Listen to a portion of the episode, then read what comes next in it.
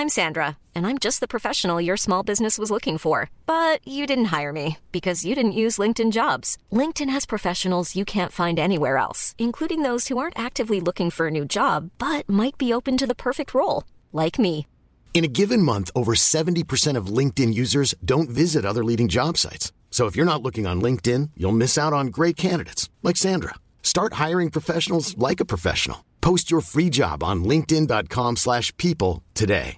Everyone knows therapy is great for solving problems, but getting therapy has its own problems too, like finding the right therapist, fitting into their schedule, and of course, the cost. Well, BetterHelp can solve those problems.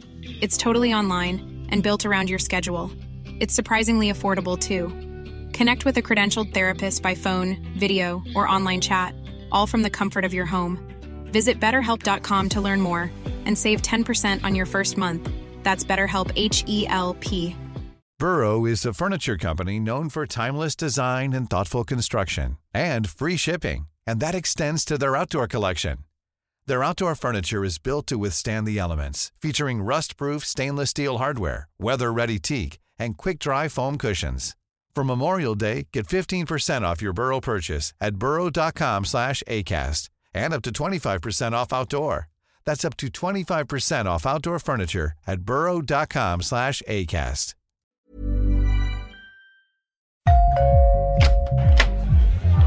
Hej! Är det dags för företagsevent, födelsedagsfest eller kanske ett bröllop? DJ Fabbe fixar musiken så att du kan tänka på annat.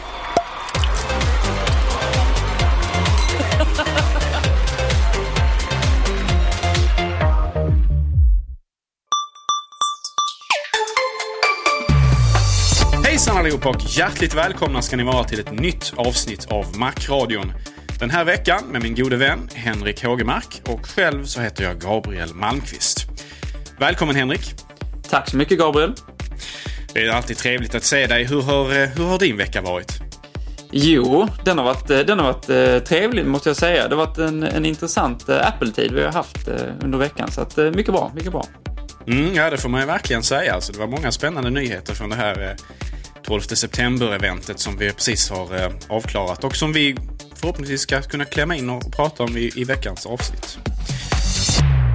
Ehm, naturligtvis eh, showens höjdpunkt, den viktigaste punkten, iPhone 5. Henrik, Gabriel. berätta vad du tycker. Ja, vad ska vi säga om detta? Eh, iPhone 5 var väl på många sätt, eh, det vi såg var väl ganska väntat. Det var såklart eh, bättre på standard. Eh, vi fick också se en design som, ja, påminde eller var i princip eh, eh, exakt så som vi hade sett förhandsvisningar på från olika källor. Den blev inte bredare, men högre.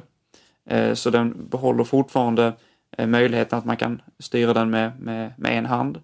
Men den blev dock högre så att säga. Den blev tunnare och lättare. Eh, Och eh, enligt mig också, eh, som var, jag var lite rädd för i, i förra avsnittet när vi diskuterade det, eh, faktiskt fulare tycker jag än den förra modellen. Men det, det, det, det är lite bara eh, övergripande vad, vad som hände så att säga. Eh, jag vet inte om vi ska gå in på designen, Gabriel, direkt. Har du någonting övergripande du vill säga om vad som, vad som skedde med den, så att säga? Ja, alltså eh, det här du var inne på, det här med att den blev lite fulare. Det på, på sitt sätt ja, alltså den är, den är lite mindre balanserad i form nu alltså.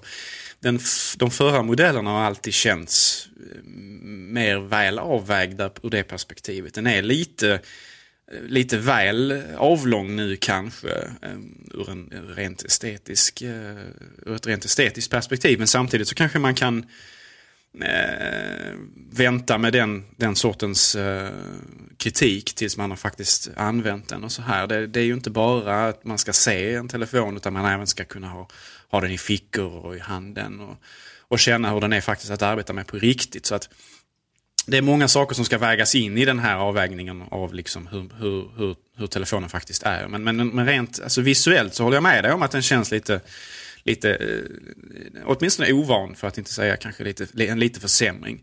Um, den här lilla detaljen som jag pratade om förra avsnittet när vi pratade om iPhone 5 inför eventet. Um, om att, nu går vi in på detaljer direkt här nu, men kameran på baksidan. Eh, de bilderna man hade sett på den här, eh, de här läckta delarna så att säga, så tyckte jag åtminstone att kameran satt konstigare där än de sedermera kom att göra på, på eh, den släppta produkten så att säga.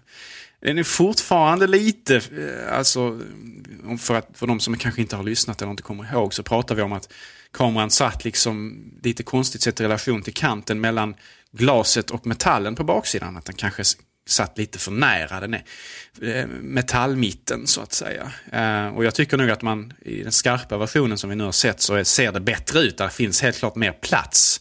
Den har nog flyttats någon millimeter eller sådär. Ehm, sett i relation till, till hur de ser ut, från, ser ut att se ut från början. Så att, eh, det ser inte riktigt lika konstigt ut som jag tyckte det gjorde på de här förhands eh, eh bilderna. Eh, men det kanske inte är estetiskt hundraprocentigt heller för då hade man nog kanske fått den lite närmare den yttre kanten på telefonen eh, ännu för att den skulle vara liksom mer eh, symmetriskt på något sätt.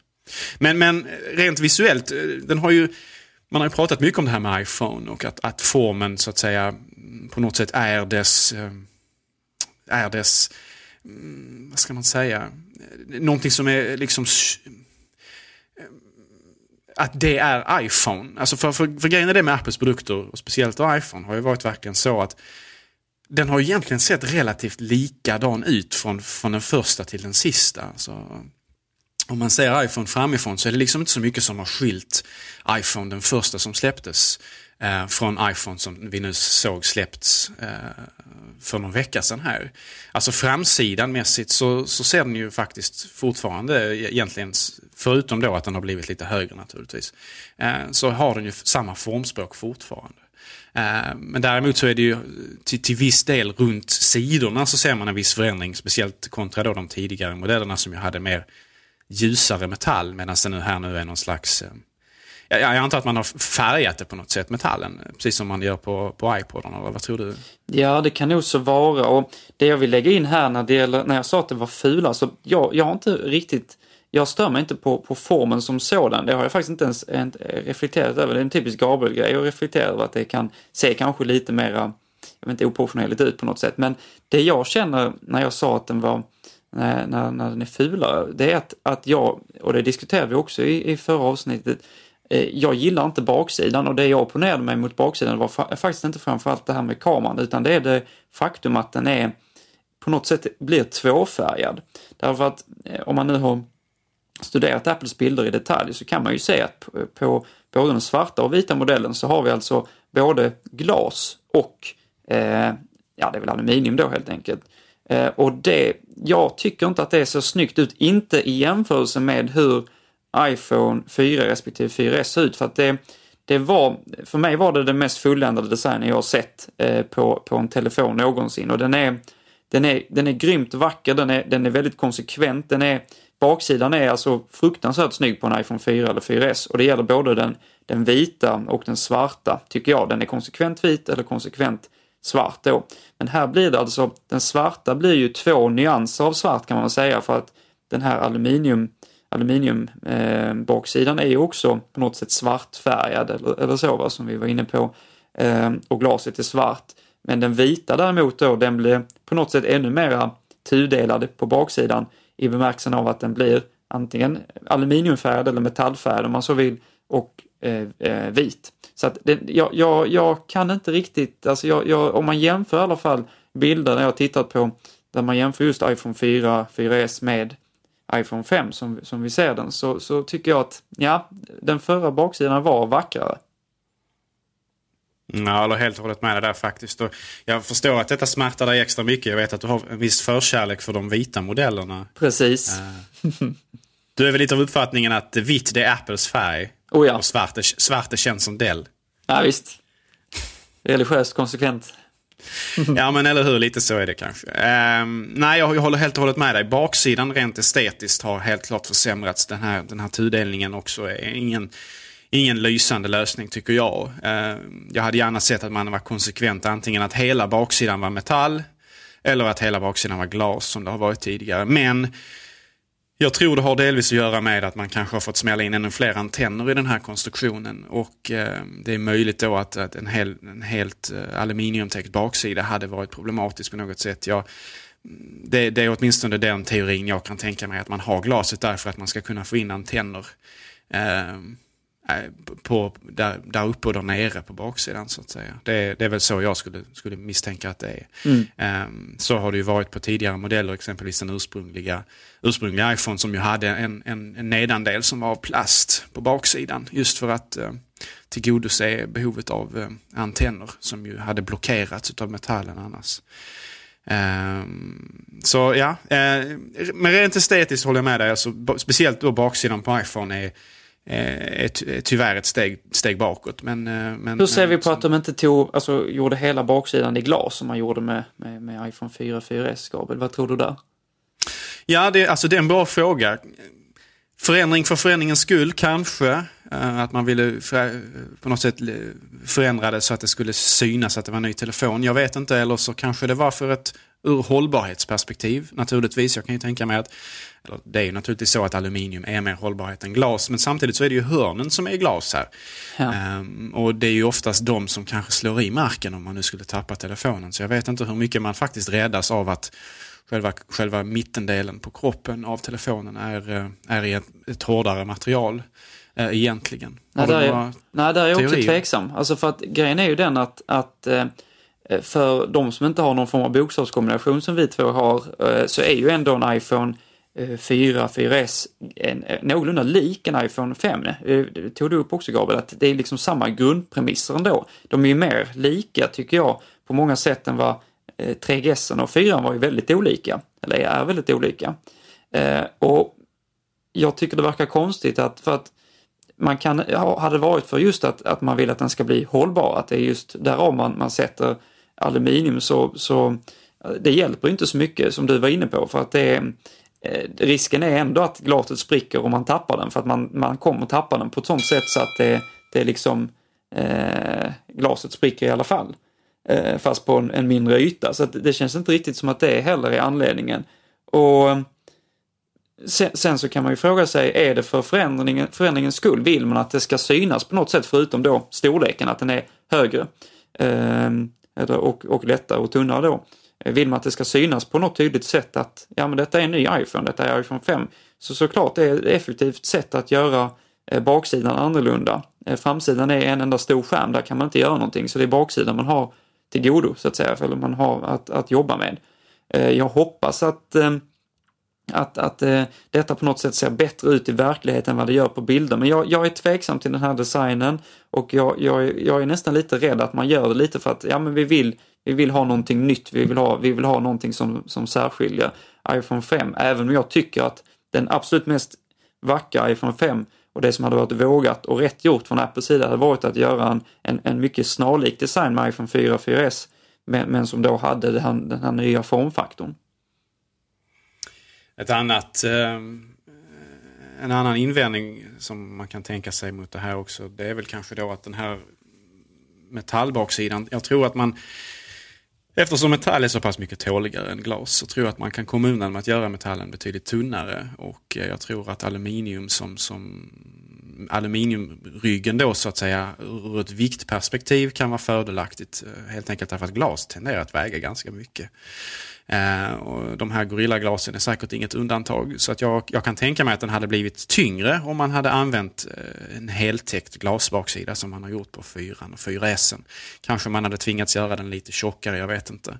Eh, men eh, jag, jag, tror att ur, ur ett viktperspektiv också så kan det finnas ett visst argument för att man byter ut en stor del av baksidan mot en, ett annat material än glas. Men, men eh, återigen, rent visuellt, och det är ju naturligtvis en smaksak, så tycker åtminstone jag och vi har, håller väl med varandra där, att det har varit en, en viss försämring faktiskt. Men eh, ja, vi får, vi, får, vi får se hur den är att, att, att faktiskt hålla i, i handen. För det, för det är också en sån sak som man kanske, liksom, när man väl håller den i handen, eh, kommer man att känna, menar, det är lite skillnad på att hålla glas och hålla metall. Kommer det att jag vet att det här, vi pratar väldigt subtila saker nu, men kommer det att kännas konstigt på något sätt att man håller någonting som både är glas och metall? Eller om det, om det kommer att kännas väldigt naturligt? Ja, det, det, det är svårt att svara på eh, innan man så att säga har fått tillfälle att prova den på riktigt.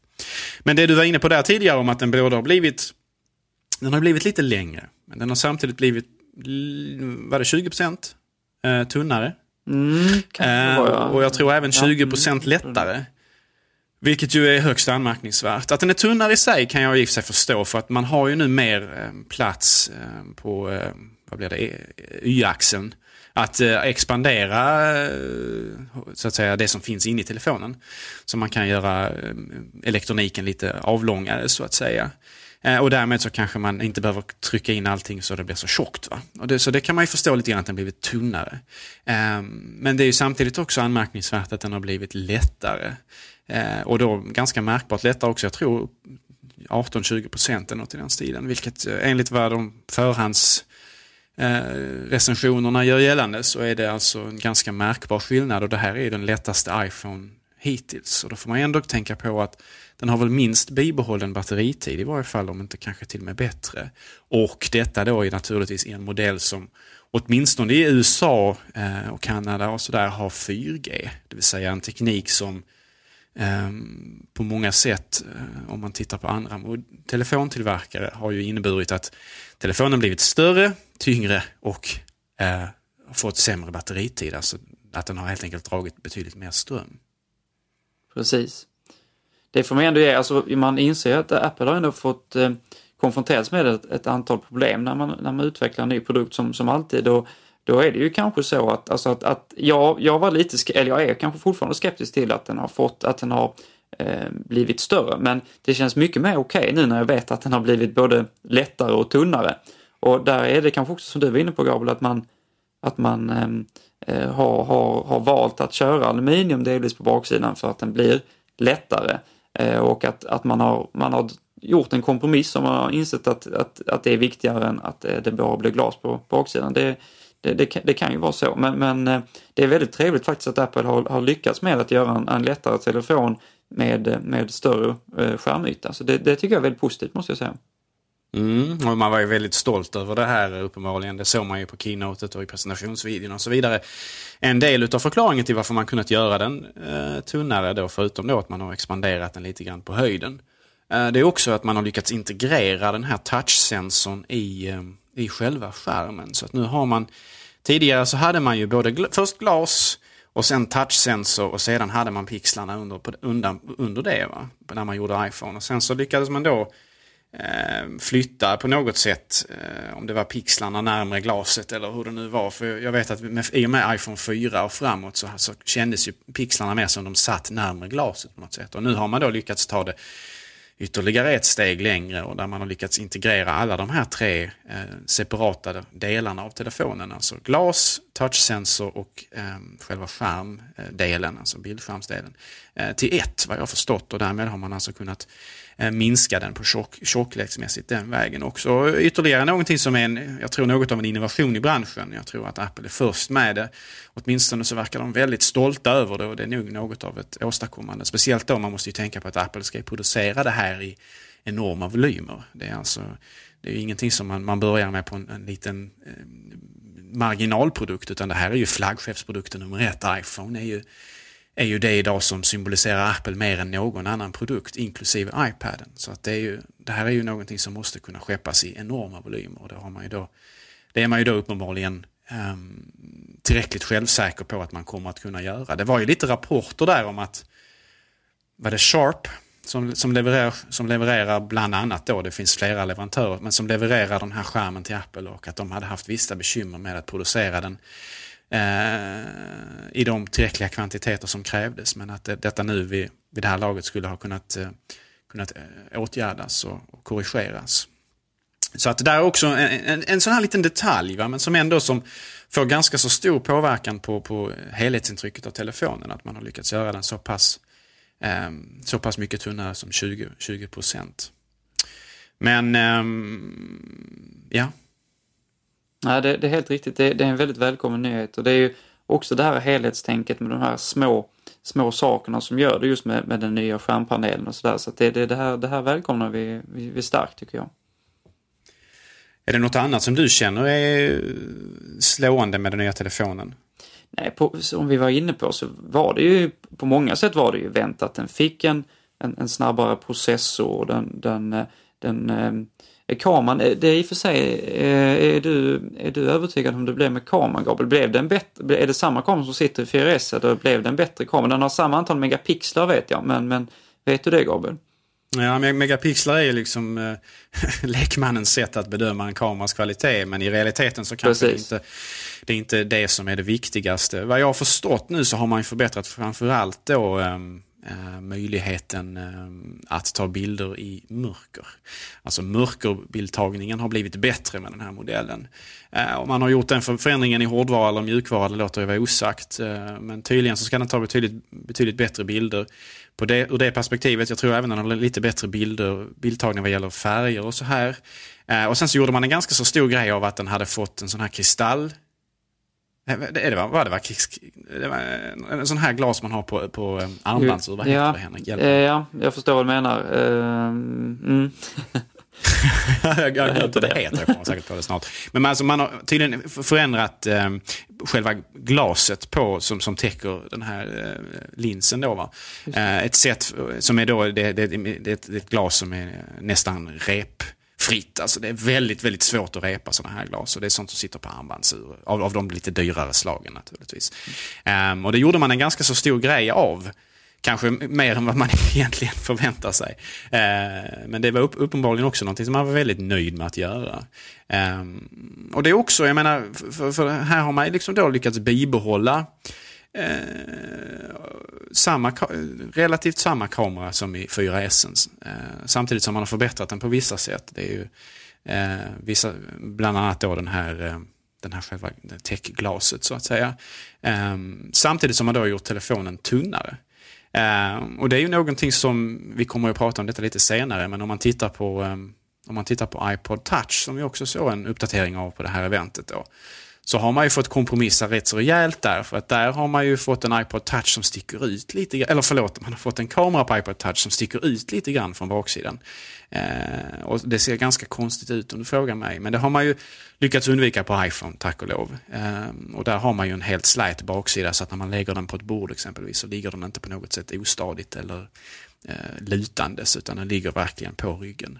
Eh, och det är ju skönt det. Men det är lite konstigt val vad gäller um, den nya iPod Touch. Men det kommer vi till lite sen Absolut. senare. Um, och sen så fick den ju, ja, den fick ju lite snabbare intern hårdvara. Det var du inne på också lite grann. Den fick den här nya A6-processorn som enligt uppgifter är alltså något, eh, lite av ett hemmakok. Alltså någonting som man själva har eh, snickrat på. Eh, en av de, förmodligen den första processorn som sitter de här som man har gjort mer än bara att liksom beställa den från, från leverantören utan att man har haft eh, en hel del eh, egen, eget manskap som har arbetat på den. Och tydligen vad jag har förstått så är prestandan väldigt, väldigt bra. Man säger själv att den ska vara dubbelt så hög både vad gäller CPUn eh, och GPUn som sitter där i. Och CPUn är väl det som Apple då har haft ett finger med i. Nu är ju GPUn integrerad också men jag tror att det är nog någon komponent man har köpt från Eh, från en befintlig eh, grafikkortstillverkare eller så här. Men medan då CPUn har man då uppenbarligen haft, eh, har man haft en hel del eh, med att göra själv så att säga. Eh, och det ska bli spännande att se hur det känns. Jag tycker redan iPhone 4S är väldigt rapp och sådär. Oh ja. Men samtidigt så, samtidigt så, jag misstänker att när man väl provar den nya iPhone, iPhone 5, så kommer man liksom att känna att, eh, kommer iPhone 4S också kännas långsam kanske. Det är ju ett ganska så vanligt fenomen det där. Mm. Utan tvekan. Vi har ju vår nya kontakt också. Den kanske vi ska mm. beröra lite grann. Ja, alltså det där är ju lite intressant. Det visste vi för att det skulle bli. Och, ja. Ja, för, för, att citera Gert Fylking så kan man väl säga äntligen. Eh, det var ju verkligen på tiden. Den gamla 30 kontaktskonnektorn har ju varit liksom den har ju varit med för länge vid det här laget och den har ju sett vissa uppdateringar längs med vägen och sådär. Men det är ju fortfarande det här gamla metall mot metall-grejen när man trycker in den och den har ju varit eh, problematisk på många sätt. Framförallt då naturligtvis storleksmässigt. Eh, har ju helt klart varit ett hinder vad gäller hur stora eh, man kan göra eh, de här produkterna. Och jag tror att hade man haft kvar den här 30 den här gamla connectorn som man, som man nu fasar ut i och med den nya iPhonen så hade man nog inte kunnat göra den här nya iPod Touch som är så betydligt mycket tunnare, även en, till och med en iPhone 5. Den har nog varit väldigt svår att, få igenom med den här gamla kontakten för att den här nya kontakten är så pass mycket mindre. Helt, helt sant. Det är ju, ehm, är ju som sagt på tiden och det är väl tio år nu som vi har haft den här gamla eh, iPod-kontakten egentligen som den, som den kom ursprungligen ifrån. Ja, den, ursprungligen så, ja det kan ju stämma. Jag tror den, det är tio år sedan för, så den första iPoden kom ju med en vanlig Firewire. Eh, Precis, den här är vanlig och den var ju enorm. Den var riktigt, riktigt, riktigt tjockt blev det. Firewire 400-porten, men det, det, fick man ju fasa ut ganska fort av den enkla anledningen att man vill ju öppna upp iPod för PC. Och de Just flesta PC-apparater kommer ju inte med Firewire varken då eller nu. Så därför så fick man ju gå över till den här kontakten. Och det gjorde man väl kan 9-10 år sedan kanske, något i den stilen. Ja, det är nog rimligt. Så att den är, den är rätt så gammal i gamet vid det här laget och good riddance om du, om du, om du frågar mig. Jag, jag inser att det är lite kontroversiellt det här för att det kommer alltid finnas människor som klagar över att nu måste jag köpa nya tillbehör till mina, min telefon. Eh, och i vissa fall är det sant och i vissa fall är det inte sant. Det kommer att finnas någon slags konverter som man kan använda men samtidigt så kan man ju fråga sig hur det kommer att fungera med individuella tillbehör, speciellt då de som inte Apple har konstruerat själv. Eh, jag misstänker att den kommer att vara väldigt välanpassad för att Apples grejer kanske kommer att fungera och även kanske lite av de stora tillverkarnas saker. Men den kommer inte ha all funktionalitet den här konvertern. konvertorn. Eh, den missar bland annat den här iPod informationsöverföringen. Och det, vad det innebär helt enkelt är att det innebär att du kommer inte kunna köra den med bilintegration som, som det varit tidigare. Så att, så att du kan styra från bilen med, med knappar på ratten så att säga och därmed styra iPod eller i det här fallet då eh, iPhone kanske 5, eh, den vägen längre. Så det kommer inte kunna fungera och även så kommer den inte kunna föra över, jag tror det var video, var det inte så? Eh, det, det, kan det nog ha varit ja. Mm. Så video kommer inte fungera heller, men annars så kommer den att ladda och föra över ljud. Eh, åtminstone på de flesta tillbehör. Det är återigen något som Apple säger att den kommer funka i de flesta fall. Men det är också frågan är hur de definierar de flesta. Men eh, den kommer fungera men samtidigt så känns det ju liksom som att köper man en ny iPhone 5 så då hade jag nog köpt nya tillbehör också. Ja. För att hålla på med en massa konvertorer och sånt känns ju verkligen. Eh, det känns ju inte, det känns ju inte optimalt på något sätt alls. Sen kan man ju, när det gäller ljud och så, så kan man ju tänka sig att det blir en hel del problem med, med dockningsstationer och så, alltså ljuddockningsstationer och så. Så att eh, det kan ju bli en hel del inköp med, med ny telefon om man nu vill koppla in den eh, genom att docka den. Det finns ju alltid möjlighet att koppla in den via AUX-kabel eller så. Men, men eh, visst, det kan bli en, en, en del nya, nya inköp där. Mm, ja, verkligen. Sladdlösningar känns ju... Det kan man ju alltid göra, precis som du är inne på, att man kör helt enkelt analogt ljud och sådär. Men det, ja. ju, det känns ju verkligen primitivt och inte för attraktivt. Nej, precis. Det känns ju inte speciellt roligt. Men vi har en ny kontakt i varje fall och det här är ju framtiden för Apple för en väldigt lång tid. Uh, och den är, den är mindre, framför allt, det är väldigt viktigt, men är också uh, kapabel att stoppas in från bägge håll. Eh, det vill säga, du kan inte sätta i den här kontakten fel. Eh, det finns ingen upp och ner eller fram och bak, utan du, du kan sätta in den på, på, på bägge hållen. Och det är ju återigen ett, ett klart steg framåt, där den gamla kontakten så kommer vi ju alla ihåg hur man, hur man fick eh, hela tiden leta efter den här lilla, lilla symbolen som indikerade upp. Alltså den som skulle möta framsidan på enheten. Och satte man inte i den rätt där så blev det fel. Och det var en massa elände med, associerat med det där. Eh, och det har man ju nu då kommit ifrån med den nya kontakten, vilket ju är vilket ju är ett, ett stort steg framåt. Fick man inte också trycka på sidorna där? För, på de första varianterna? Ja, precis. ja, ja, precis. Jag, min, eh, min iPhone-sladd gick sönder för ett tag sedan så jag fick rota här i mina gömmor efter, efter en gammal sladd. Och då fick jag fram en sån här hemsk sak som man måste verkligen, det var fysiska knappar, precis som du var inne på. Med sådana gripklor som fångade in på sidorna i, i den här enheten man laddar i och sådär riktigt elände, speciellt om, om man ska ta telefonen på morgonen när man är yrvaken och står man där och sliter och inser vad, vad är det som händer liksom, den släpper aldrig. Och då, då får man ju lösgöra de här gripklorna då. Det är extremt inelegant faktiskt och det är verkligen skönt att vi slipper det nu. Det är ju fortfarande lite av ett frågetecken för man får ju, man får ju se så här också, den här nya kontakten är betydligt mindre. Ehm, det innebär ju också att det är mindre kontaktyta mellan själva kontakten och, och, telefonen då i det här fallet. Så frågan är ju hur lätt den har för att ramla ur. Ehm, man antar ju lite grann att Apple har arbetat på detta och sett till så att det är rätt så mycket friktion ändå, åtminstone så att den sitter fast ordentligt. Men det återstår ju naturligtvis att se ehm, för det vore ju tråkigt om det, om det visar sig att med den här lilla kontaktytan så ramlar den ut ur lättare och, och då kanske i många fall på ett olyckligt sätt. Alltså, utan att man som användare önskar det. Ehm, men, men det återstår ju att se som sagt. Ny kontakt, den gamle, den var väldigt, väldigt ehm, relativt skör ändå. Det var nog många som haft problem med att den har gått sönder och sådär. Så förhoppningsvis så är den här nya kontakten byggd med eh, hållbarhet i, i åtanke också. Sen har ju den telefonen förändrats lite grann mer på undersidan. Henrik, den har ju bland annat fått eh, ljud ut. Det är sant ja. Och det är ju någonting som är nytt för iPhone. Den har ju alltid historiskt sett haft eh, ljudutgången. Eh, 3,5 mm kontakten på ovansidan. Medans eh, iPod Touch, åtminstone de senaste varianterna, har ju haft den på undersidan precis som nya iPhone 5 har nu. Eh, hur ser du på det? Tja, eh, Eh, rent visuellt, om man nu börjar med vårt favoritämne, så eh, tycker jag att det, det, ser lite konstigt ut. jag kan inte förklara det bättre än så, men att jag, jag, jag, tycker nog att det är mer elegant när den är på, på ovansidan. Eh, kanske för att man är van vid att se en iPhone så. Eh, sedan så eh, finns det ju fördelar också. Jag tror vi nämnde det för avsnittet att, att den kanske inte är lika mycket eh, i vägen när man, när man använder den och samtidigt har, har hörlurarna inkopplad. Sen eh, blir det ju också så att man, om den ligger i fickan så får den ju då, om man lyssnar på musiken eller liknande samtidigt, så får den då ligga eh, upp och ner eller vad man ska säga så att säga, så att med, med hemknappen neråt. Så att eh, det kan ju vara en, en det är en, en, verkligen en petitess, men det kan ju vara kanske en nackdel också så att man inte bara kan eh, trycka, trycka till, äh, trycka till eh, ovansidan, knappen på ovansidan eh, när det ligger i fickan och man har lurarna, lurarna i öronen så att säga. Mm. Eh, ja, alltså jag håller med dig där. Det, det kan helt klart vara ett litet problem som ändå på något sätt kommer att orsaka kanske stor irritation hos användaren. Så det, men det, det återstår ju åter, återigen att se. I varje fall den har ju fått lite ny, ny teknik också. 4G i USA och lite så här 3G plus i Sverige i varje fall.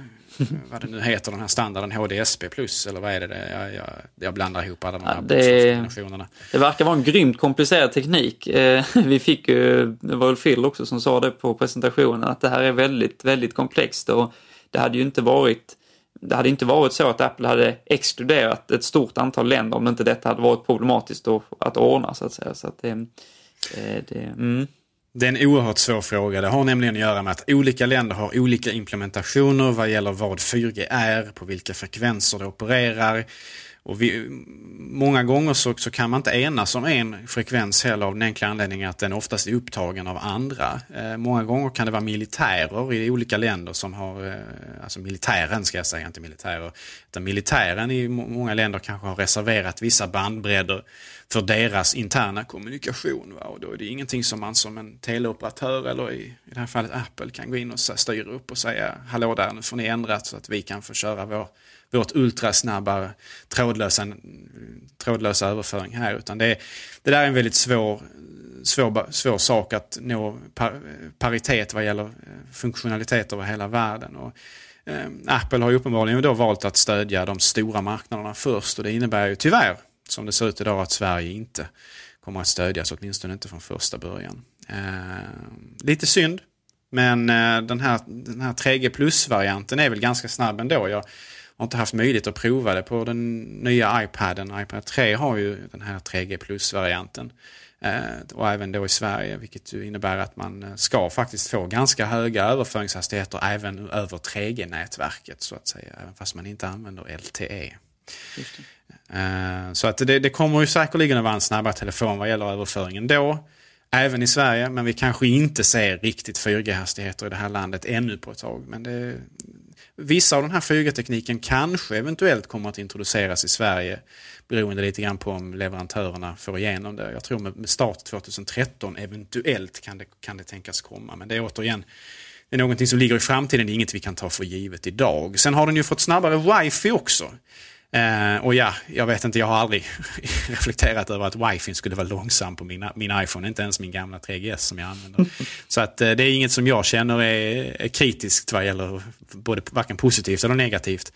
Den kunde den haft eller inte haft för min del. Men det är ju naturligtvis trevligt att den, att den blivit snabbare än så. Det kräver ju naturligtvis att man har snabbare enheter i andra änden också, att man har snabbare router och så vidare. Och det är någonting som man, man som användare kommer att uppgradera med tiden naturligtvis. Så det är ingen förändring man kanske ser direkt om inte man har tillgång till det redan idag.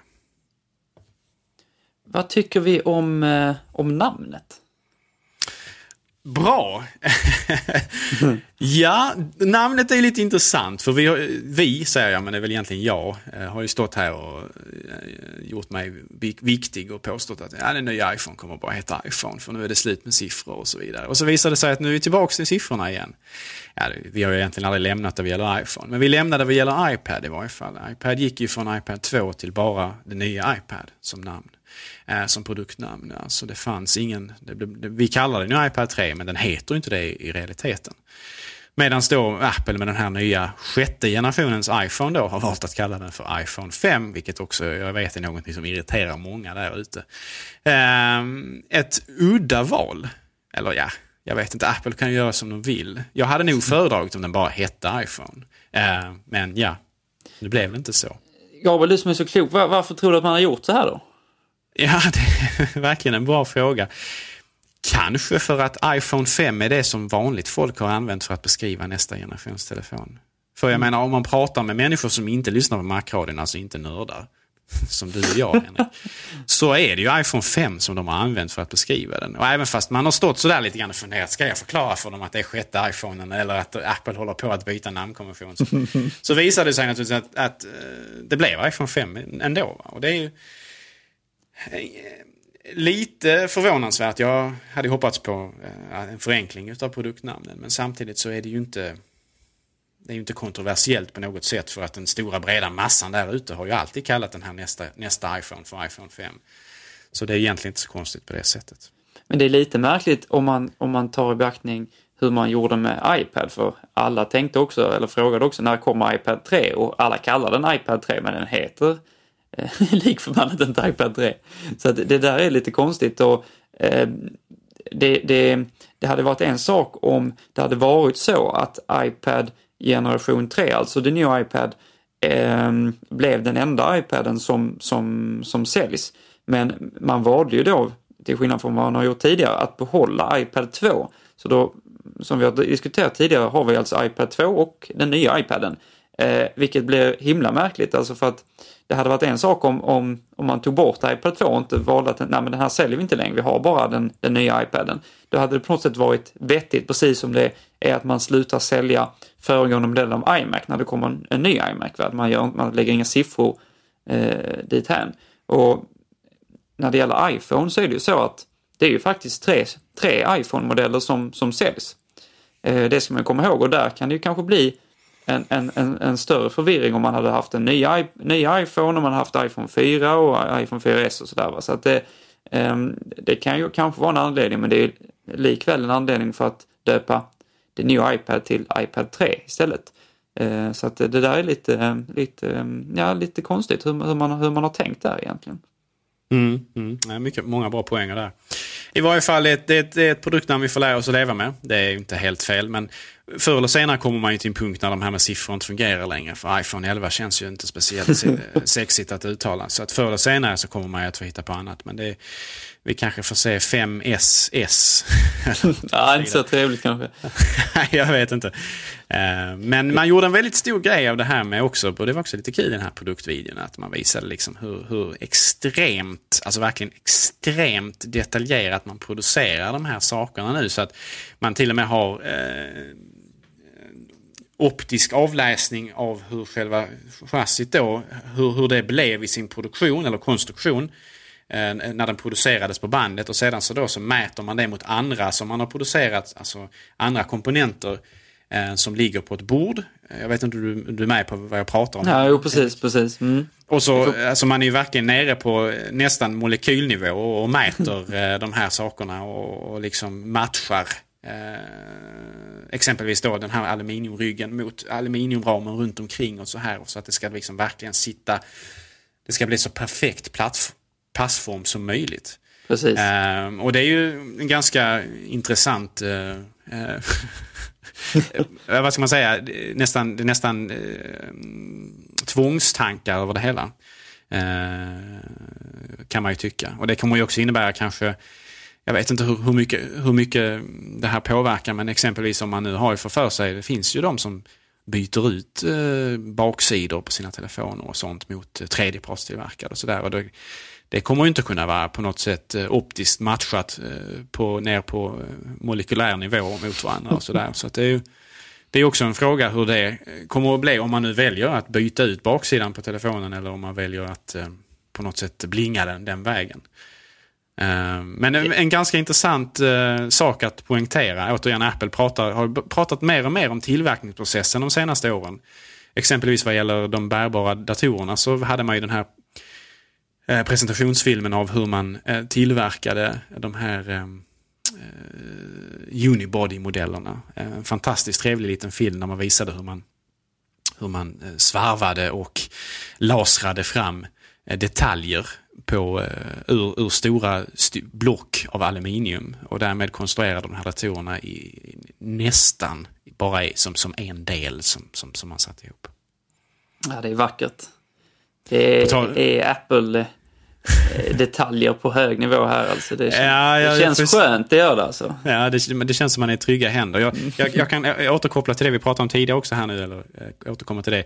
Safirkristall heter det naturligtvis. Det är inte glas som jag kallar det, utan safirkristall heter mm. alltså den här skyddet som man har på den, på den nya kameran, eller den nygamla kameran på den nya iPhonen.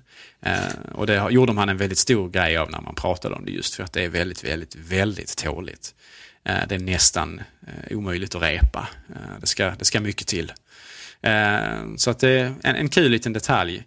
Kan ju då sättas i kontrast mot när Microsoft hade sin presentation av den här nya eh, tableten som de släppte. Så pratade de väldigt mycket om att eh, vilka vinklingar man hade på hörnen på, eh, på själva den här produkten. Alltså på, på hur den kändes att hålla i handen och så vidare. Eh, så det är ju en trend som man kanske kan tycka att Apple har startat i branschen. Att man fokuserar mycket på detaljer och pratar om sådana saker som för bara några år sedan så hade nog de flesta tillverkare och de flesta konsumenter kanske överhuvudtaget bara liksom ryckt på axlarna och frågat sig vad, vad, vad handlar det här om? Liksom? Är det intressant på något sätt? Men det, det har betydelse, det påverkar väldigt mycket. Så sant. Så eh, Henrik, eh, hur känner du? Kommer du att köpa en ny iPhone? Det kommer jag. Eh, jag sitter just nu, jag har sålt min, eh, min kära iPhone 4. Jag använder en gammal 3GS eh, jag hittade i skåpet och det är inte bra för mitt hjärta. Nej. Så att jag tänker köpa en, en, iPhone 5 trots baksidan. Antagligen en vit, men där är jag inte så säker som jag alltid annars är när jag ska köpa Apple-produkter, om de finns i vitt vill säga. Det brukar alltid vara det självklara för mig. Eh, men jag är inte säker denna gången. Men, så vi får se vilken färg det blir. Men jag, jag kommer köpa en, en, iPhone 5. Det kommer jag göra. Ja, det känns tryggt. Jag, att gå tillbaka till en 3GS från en, vad, en 4S du hade tidigare?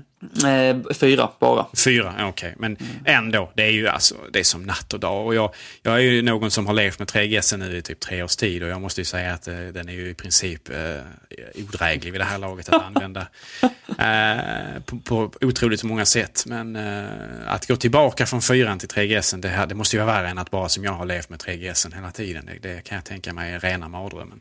Så då kommer du naturligtvis att hänga på låset här nu på eh, när förhandsbokningen av den nya iPhone kommer igång. Vilket faktiskt eh, inte helt... Eh, eh vilket faktiskt eh, trevligt nog börjar ikväll eller i natt när vi spelar in det här. Eh, vad jag har förstått så 0001 är det inte så så kommer man att kunna göra sina förhandsbokningar Precis. utav iPhone 5 både hos Telia, Telenor och var det tre kanske? Tror det och Halebop också, tror jag. Halebop också, just det. De är också, det är Telia det också kan man säga. Det, det är dock intressant det där för att man undrar lite hur Apple kommer göra i det här eh, läget. För att jag är ju en eh, fri själ såklart. Jag är ju väldigt frisinnig. Och, du är eh, student då, så det kommer per, per definition. Då. Precis, precis. Mm. Och då vill man ju ha en, en fri telefon utan massa hemska operatörslås och sådant. Så att jag vill ju ha en, en, telefon från Apple och jag vill ha en olåst telefon. Och förra gången när eh, iPhone 4S var det väl kom så eh, tror jag, om jag inte minns fel, eller om det var när 4 kom, så gjorde man så att den släpptes eh, då eh, när den officiella Sverige-releasen var så släpptes den via operatörerna. Men det tog eh, ytterligare några veckor, ni får rätta mig om jag har fel, eh, tills den gick att beställa på Apples, eh, Apples eh, butik, eh, Apples webbutik, Apple Store. Ehm, nu är det intressant hur man gör för nu har man ju faktiskt, det kanske vi kommer att prata om i ett, ett framtida Marknaden, men nu har vi faktiskt en fysisk Apple-butik i Sverige, i Täby. Ehm, och ehm, då känns det ju vettigt att man eh, kommer kunna sälja den över disk på releasedatum som jag tror det är den 28 var Gabriel, eller? Mm. Ja, det är intressant. Det har du helt rätt i. Och det är intressant också att fråga sig hur kommer man kunna köpa den där? För att de här, vi då, som, som jag och Henrik jobbar åt uh, Apple Certified Resellers. Um, vi säljer ju med koppling till Telia. Det är, ju, det är ett krav som funnits hos oss sedan första början att om vi säljer iPhones i butiken så är det med Telia-abonnemang som vi säljer dem. Uh, och vi har ingen rätt, vad jag vet, att sälja den olåsta iPhonen. Uh, så det är intressant att se hur Apples policy kommer att bli där gentemot de egna butikerna. Ja. Eh, kommer man att kunna gå in där och köpa en olåst iPhone? Eh, och kommer detta i så fall att vara exklusivt för dessa eller kommer det, denna möjligheten också att ges så att säga andra Apple-återförsäljare i Sverige som ju är just idag, i dagsläget i överväldigande majoritet. Eh, det är ju en ganska intressant fråga och någonting som, som jag är väldigt spänd att se utvecklingen på. Så att säga. Man, alltså i, i övriga världen vad jag vet i alla fall när det gäller de, de så att säga, eh, riktiga Apple-butikerna som Apple äger själva. Då är det ju mm. så att du kan gå in och köpa en iPhone över disk utan eh, några lås eller liknande. Så jag, jag, tror att det blir så här. Det intressanta är ju när eh, det blir så här, om det blir på eh, releasedatum eh, och när den går att förhandsboka blir det i natt. Eh, så man får sitta och trycka kringla på sin Macbook i natt på Apples hemsida.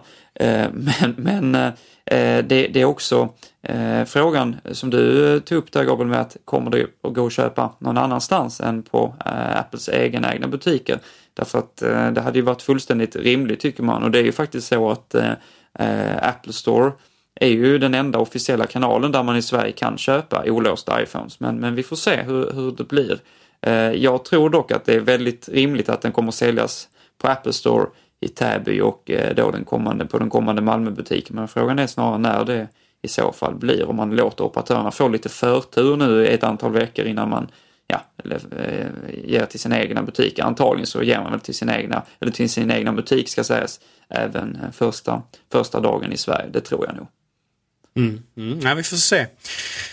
Eh, sedan då, eh, som kompanjonsprodukt till den nya iPhonen eh, och för all del även de nya iPodarna så har vi ju fått ett, eh, ett par nya hörlurar också. Eh, en, eh, det var länge sedan sist som Apple gjorde någonting med hörlurarna. Eh, förutom att de har kanske möjligtvis bytt sladden på hörlurarna. Jag vet att för om det var ett år sedan eller två så ändrade man lite grann på själva gummit på sladden så att de fick, de tenderar Everyone knows therapy is great for solving problems, but getting therapy has its own problems too, like finding the right therapist, fitting into their schedule, and of course, the cost. Well, BetterHelp can solve those problems. It's totally online and built around your schedule. It's surprisingly affordable too. Connect with a credentialed therapist by phone, video, or online chat, all from the comfort of your home. Visit betterhelp.com to learn more and save 10% on your first month. That's BetterHelp, H E L P. I'm Sandra, and I'm just the professional your small business was looking for. But you didn't hire me because you didn't use LinkedIn jobs. LinkedIn has professionals you can't find anywhere else, including those who aren't actively looking for a new job but might be open to the perfect role, like me. In a given month, over 70% of LinkedIn users don't visit other leading job sites. So if you're not looking on LinkedIn, you'll miss out on great candidates like Sandra. Start hiring professionals like a professional. Post your free job on linkedin.com/people today. Burrow is a furniture company known for timeless design and thoughtful construction and free shipping, and that extends to their outdoor collection. Their outdoor furniture is built to withstand the elements, featuring rust-proof stainless steel hardware, weather-ready teak, and quick-dry foam cushions. For Memorial Day, get 15% off your Burrow purchase at burrow.com slash ACAST and up to 25% off outdoor. That's up to 25% off outdoor furniture at burrow.com slash ACAST. Hey, Dave. Yeah, Randy. Since we founded Bombus, we've always said our socks, underwear, and T-shirts are super soft. Any new ideas? Maybe sublimely soft. Or disgustingly cozy? Wait, what? I got it. Bombas. Absurdly comfortable essentials for yourself And for those facing homelessness. because one purchased equals one donated. Wow, did we just write an ad?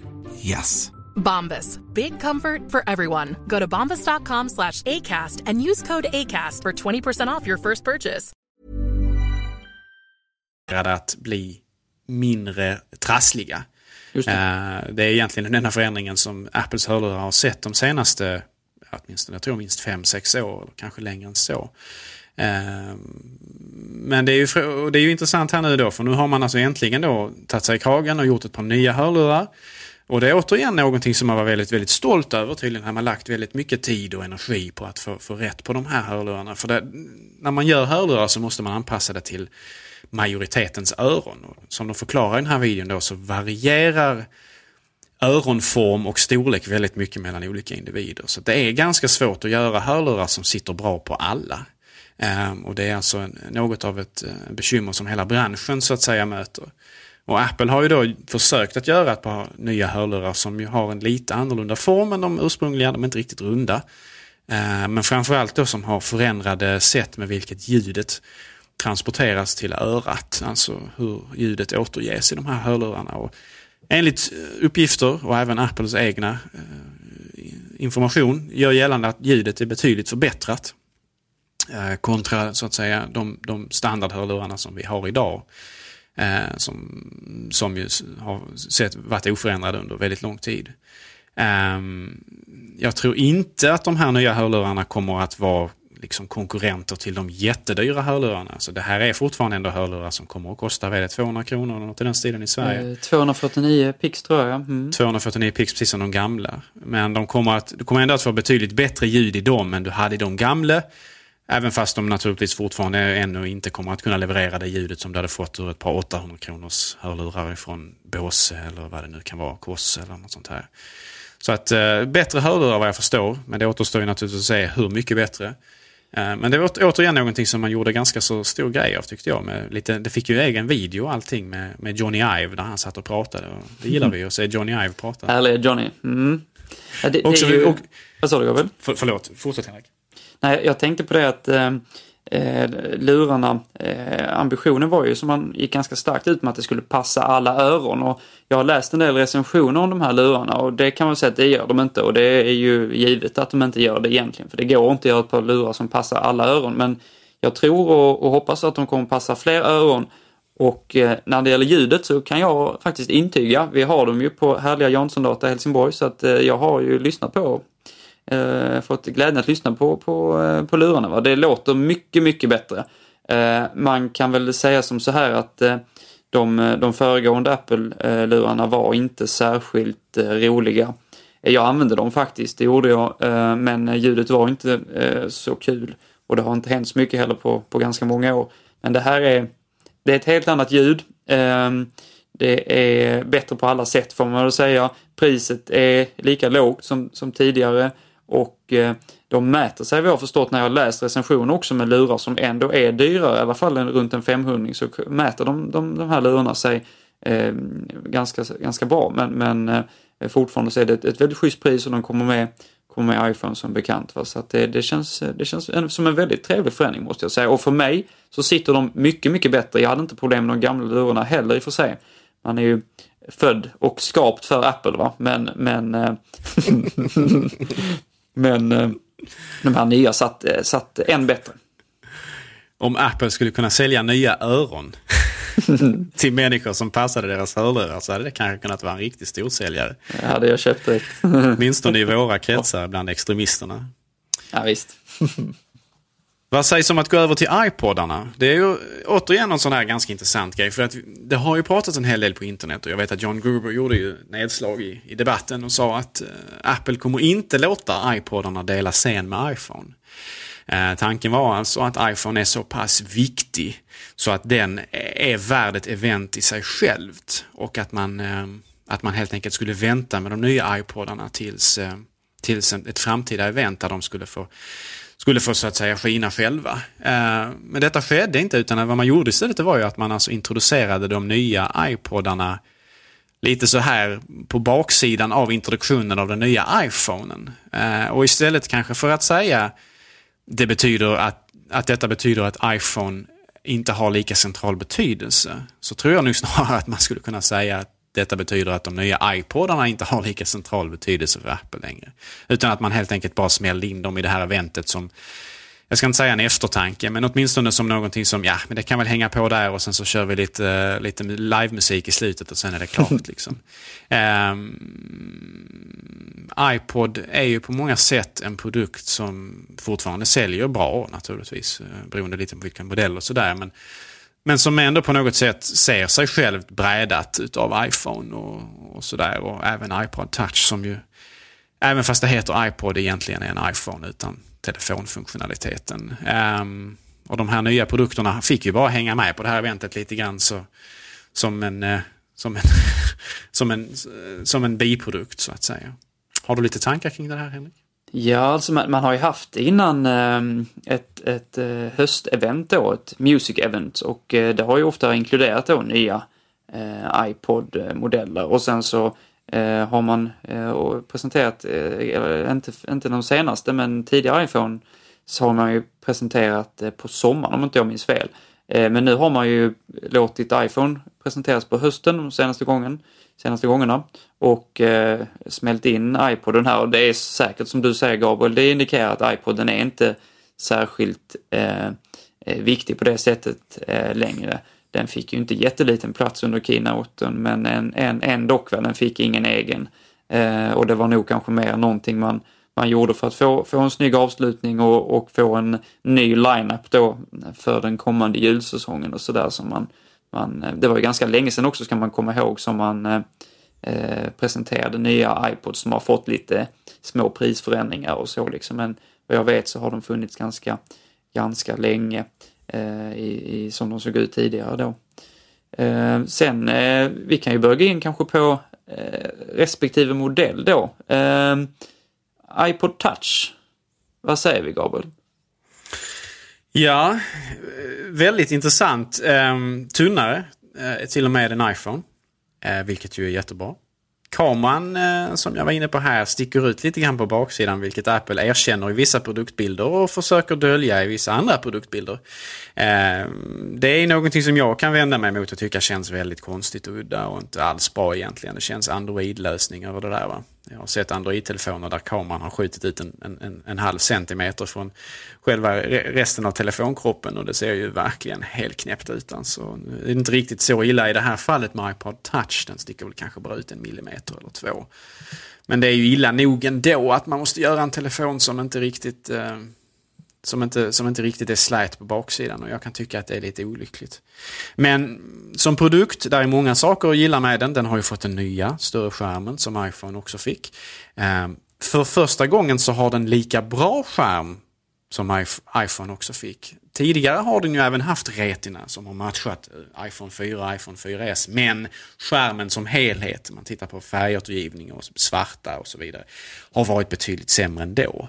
Om du har hållit en iPhone 4 eller 4S bredvid en iPod Touch med Retina så har man sett markant skillnad på skärmkvaliteten. Det har alltid varit en budgetvariant utav skärmen, men icke längre. Nu för tiden så kör vi på volymer istället, samma skärm i samma eh, formfaktor på alla enheterna och det är verkligen välkommet ifrån Apples sida. Jag, jag gillar det verkligen.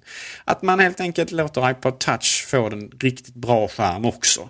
Um, med allt vad detta innebär av riktigt bra färgåtergivning och, och, och, riktigt, riktigt fin, fin, fina och klar, klar text och så här. Så att det, det, det är en klar förbättring sett ur det perspektivet.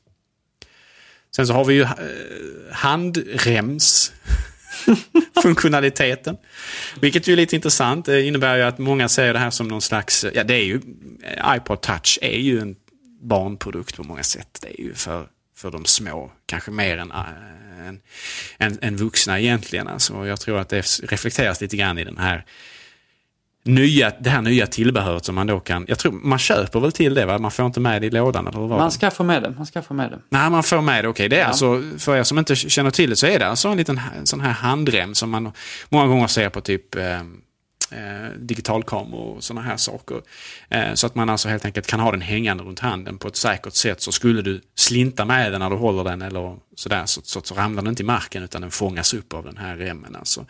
En, eh, en ganska udda detalj. Lite jag måste säga både oväntat och känns lite o-Apple också. Om, man, om det nu kan, man kan nu säga ett sånt uttryck.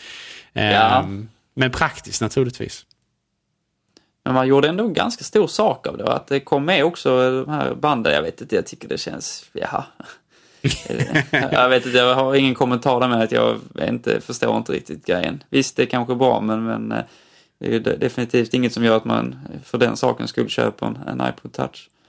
Nej, det känns inte som en säljande punkt kanske. Men samtidigt så kanske det är bra för de som ger det till barn och liknande. Jag tror att det är väl framförallt där som är eh, målgruppen på många sätt för iPod Touch. Um, färgerna Henrik, jag vet att du har många och starka åsikter kring dessa. Varför oh ja. inte? Kräk! Nej, alltså jag lämnar ju inte mycket över till faktiskt um, Eh, designen överlag. Jag tycker att den förra iPoden var väldigt vacker måste jag säga. Ehm, det var den och den var, eh, den var också konsekvent på många sätt i, i eh, i, i sin design. Den var vad jag vet kromad på baksidan och så var den vit eller svart och så. Så att det, jag, tyckte den, jag tycker den var väldigt fin. Men det jag inte gillar här det är väl att, att dels så tycker jag färgerna, många av dem är fula. Ehm, och det... Eh, jag, jag, tycker att den, den, vita och den svarta, det är väl de jag hade, hade köpt. I så fall om jag hade köpt en iPod Touch. Eh, men jag tycker att de andra färgerna ser ganska hemska ut. Eh, jag, jag är mer för eh, klara färger. Man har ju skiftat lite, gjort på lite olika sätt under iPodens liv. Under någon iPod, iPod-generation, inte när det gäller touch, men när det gäller nano i alla fall, så körde man ju väldigt klara färger, klarröd, klarblå och så vidare. De tyckte jag var väldigt, väldigt trevliga. Det här är lite mer pastell, regnbågsfärger och så, så att eh, jag, jag, är inte så, jag tycker inte de här färgerna är speciellt trevliga och den gula, eller vad man ska kalla det, jag har aldrig sett något liknande, ser ju hemskt ut eh, det är ju verkligen påminner om det jag sa innan alltså, för att det, det, är inte, inte en trevlig färg. Sen har ju, den har ju iPod, iPod Touch dras, dras med den här eh, lilla svarta plastdetaljen på baksidan för att man ska få eh, tillräckligt bra signal. Den är ju inte snygg och inte stilfull men jag förstår ju kanske att det är svårt att komma ifrån den på, på, på ett rimligt sätt. Eh, kameran har vi varit inne på, inte särskilt eh, kul. Sen är det ju det, återigen det här med, jag vet inte vad Apple tänker på men när de gör så här, men det blir, de blir också tvåfärgade, många av modellerna. Alltså, så tittar man på den blå så har den ju en vit ram runt sig och det är ju inte heller varför har man det liksom. Det, en vit ram ger ju inte särskilt bra kontrast, kanske något bättre än en blå men det rimliga hade varit svart och svart kanske inte hade sett så snyggt ut med den blåa. Jag vet inte, men, men det, det är inte, nej, det, det känns inte, jag, jag, tycker inte att de här är, är, är snygga eh, överhuvudtaget faktiskt. Eh, det finns ju såklart vissa av modellerna där färgerna är ju trevligare än, än, än de andra, det är ju ja, helt uppenbart, men jag, jag, hade, jag tycker den förra generationen är mycket snyggare. Ord och inga visor där. Jag kan ju säga så här att jag föredrar den här baksidan framför den gamla. För den gamla var väldigt lättrepad. Den här kromade varianten som vi har sett på många Apple-tillbehör, inklusive de ursprungliga iPodarna, det vill säga de som kom 2001. Den var ju väldigt lättrepad och lite så här problematisk. Och även fast den kanske inte var lika, kanske inte var riktigt lika illa på de gamla iPod touchen så tyckte jag fortfarande ändå inte att det, den sortens baksida var riktigt, riktigt optimal. Just för att man lägger oftast ner dem och det, det är lätt att repa dem och det blir fult ganska fort. Um, man får och, behandla den med värdighet. Man ja, får behandla den väldigt, väldigt fint. Det finns, ju det finns ju någonting att säga om patina och så vidare men jag tycker inte på, på de här produkterna att, att repor gör sig speciellt väl. Vissa, vissa, vissa saker åldras med värdighet med, får patina efter att de blir slitna men just Apples produkter tycker jag inte gör det. Uh, jag tycker att de förlorar mycket i, i sin lyster och attraktionskraft om de blir rep, repade eller buckliga eller vad det nu kan vara. Så, men jag föredrar den här baksidan framför den gamla. Färgvalet valen sisådär va? Jag håller nog med dig där om att det, det känns lite konstigt. Eh, det, det, är pastellfärger, jag gillar väl egentligen lite pastellfärger, jag är lite svag för det. Men, men samtidigt så känns pastellfärger mer vår än höst om du frågar mig. Eh, men samtidigt så ska den här produkten säkert säljas i minst ett år till så de kanske kommer få sin säsong vad det lider. Den här har ju, den har ju inte riktigt samma kamera som iPhone som vi var inne på utan den har ju en 5 megapixels kamera istället som den förra också hade vill jag minnas. Eller hur var det med det? Den kanske inte hade 5 megapixel förra. Den hade en eh, helt usel kamera. Den Ja, det, den har, vi har ändå fått en bättre kamera, så är det. Precis, en mycket, är mycket det. bättre kamera är Ja. det nu. Ja. Så det, är ju inte, en, det är inte i kvalitet med iPhone naturligtvis, men det är en Nej. 5 megapixels kamera och den är nog betydligt bättre. Ja, Eh, det- det och det är ju, det är återigen, det är berömvärt även fast de tvingades göra lite olyckliga kompromisser vad gäller just hur den eh, st- sticker ut från enheten och sådär. Eh, jag tror att, som du var inne på på framsidan, alltså det är också lite lustigt det här att man har valt att göra fram, framsidan på alla utom den svarte, eller ja, egentligen även kanske inte svart men eh, antracitgrå eller mörk på något sätt. Den är inte riktigt svart. Men, men, men, men framsidorna på de andra modellerna, de lite ljusare modellerna, är ju vita. Eh, och det är nog, jag tror att det funkar nog mer estetiskt med vit framsida mot de här pastellfärgerna än det hade gjort med en typ en svart framsida. Eh, men samtidigt, och det här ska man vara medveten om när man köper saker med vita framsidor då, det är ju att eh, du får sämre kontrast. Det är någonting som man kanske inte alltid väger in i sitt köp i sitt köp när man köper exempelvis en iPhone eller i det här fallet en iPod touch. Men den vita ramen runt en skärm ger sämre bild från skärmen. Skärmen i sig förändras inte men, men ditt öga påverkas av det. Det är egentligen optimalt med en svart ram runt en bild. Ehm, just för att du får bättre kontrast och, och det är mindre som stjäl uppmärksamhet från ögat på något sätt. Så att eh, svart är att föredra där ändå. Jag menar tittar man på tv-apparater som man köper i butik så många av dem har ju svarta, svarta listor runt skärmen. Datorerna som Apple säljer nästan utan undantag. Eh, det skulle vara Macbook Air i så fall, har ju en svart ram runt skärmen. Just för att svart ger fin kontrast mot, mot bilden i övrigt och sådär. Va? Eh, och ger en, jag tror en, en, en, en lugnare upplevelse för ögat vad gäller att ta in informationen ifrån själva, ifrån själva skärmen. Och det är, mm, jag, jag tror att man var tvungen att välja vitt på framsidan även på de andra färgerna. Eh, pastellfärgerna. Eh, men det är lite olyckligt sett ur det perspektivet för att det ger lite sämre kontrast och, mot själva skärmen som helhet. Så skulle man vilja välja baserat på en så obskyr anledning som att man får bättre kontrast så är det alltså den antracitgrå eller svarta eller vad man nu vill kalla det som gäller. För den har ju fortfarande den svarta framsidan också. Just det. Det man kan tänka på här, och det är väl ganska vettigt i och för sig, vi, eh, Gabriel du tog upp här nu att ja, men detta är en, en, en produkt för, för barnen och det är det väl på många sätt och därför är det ju ganska självklart också att man lanserar den i färger så att det, det kan man nog inte opponera sig emot och den finns ju den, den vita som är någorlunda stilren och det finns den, den svart eller antracitgrå eh, varianten så att det, det finns ju någonting som är lite mer vuxet också.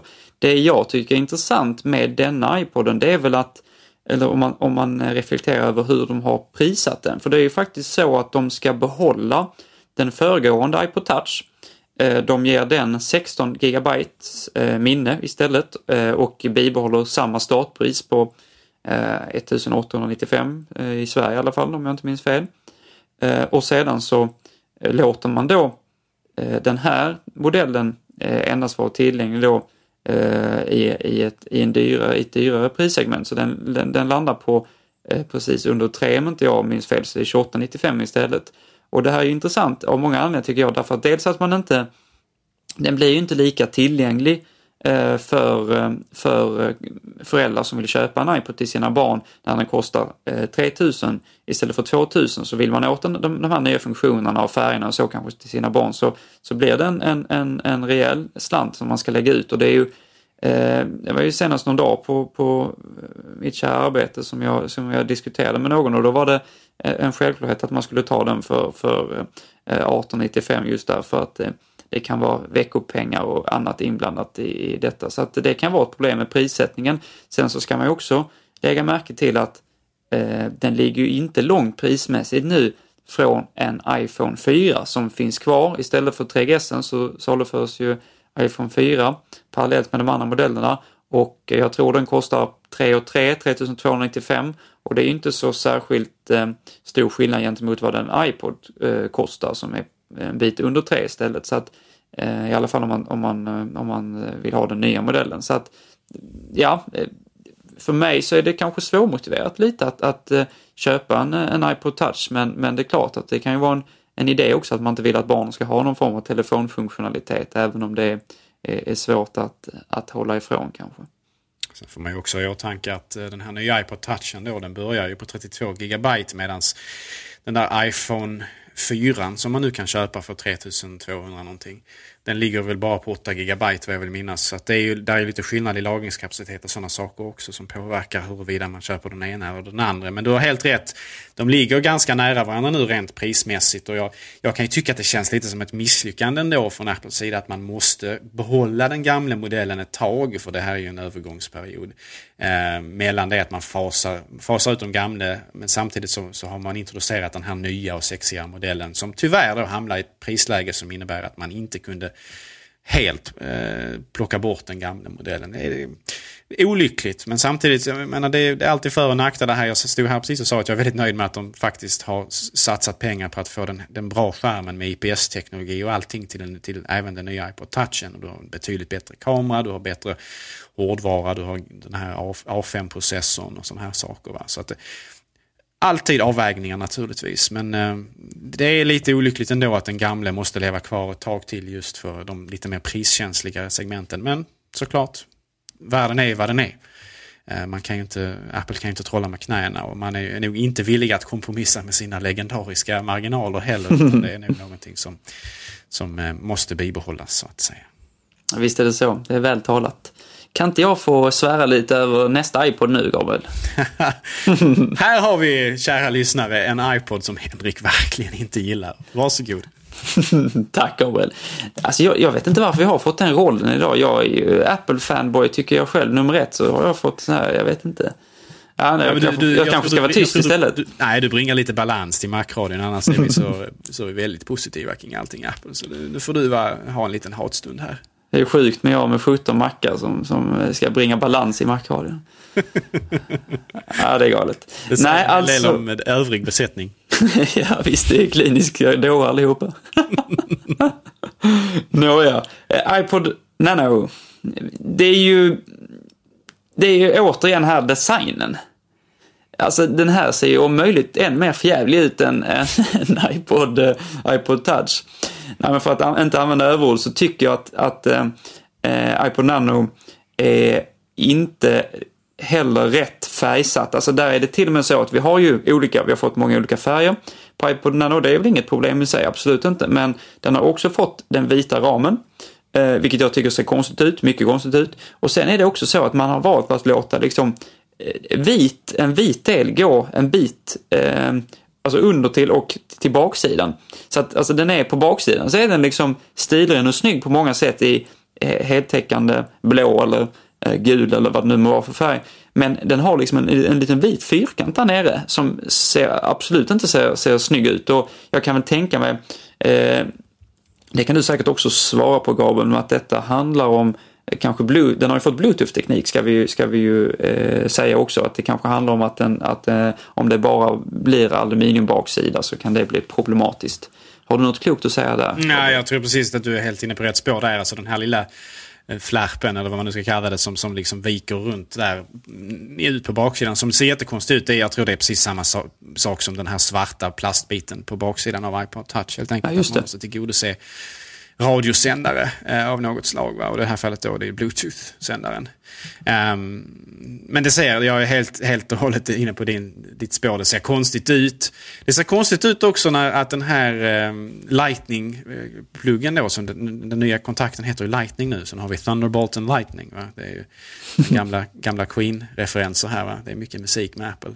Den sitter ju liksom väldigt uh, långt ute på, på kanten där, va? Väldigt, den sitter inte alls centrerat på den här enheten heller, utan den sitter väldigt långt ut, vilket ju innebär att det Alltså det, när man sätter, om, om du nu tänker dig att du har den här iPod Nano och du har liksom någon slags docka till den eller om du ska sätta den i någon, någon, någon, någon sån här eh, kontakt exempelvis i en stereoanläggning eh, med iPod-integration eh, eller sådär då va? Så kommer du att få sätta den på ett väldigt konstigt sätt för att istället då för att den här att den pluggen sitter i mitten som den gör på iPhone och sådär va? Och som den historiskt sett kanske också har gjort på många av eh, iPodarna va? Så sitter den här nu längst ute på kanten. Vilket förmodligen kommer innebära att eh, vissa tillbehör helt enkelt kanske inte kommer att alls fungera med iPod Nano för att då, det, blir så, det blir en förskjutning på något sätt. det, det, det, ser konstigt ut i alla fall. Och jag vet, jag vet inte hur det kommer påverka eh, eventuella tredjepartstillbehör, hur de måste konstruera själva eh, vaggan eller vad man ska kalla det som ska hålla eventuellt en iPod eller en iPhone och sådär. Men det ser konstigt ut och det, det känns, känns lite fel.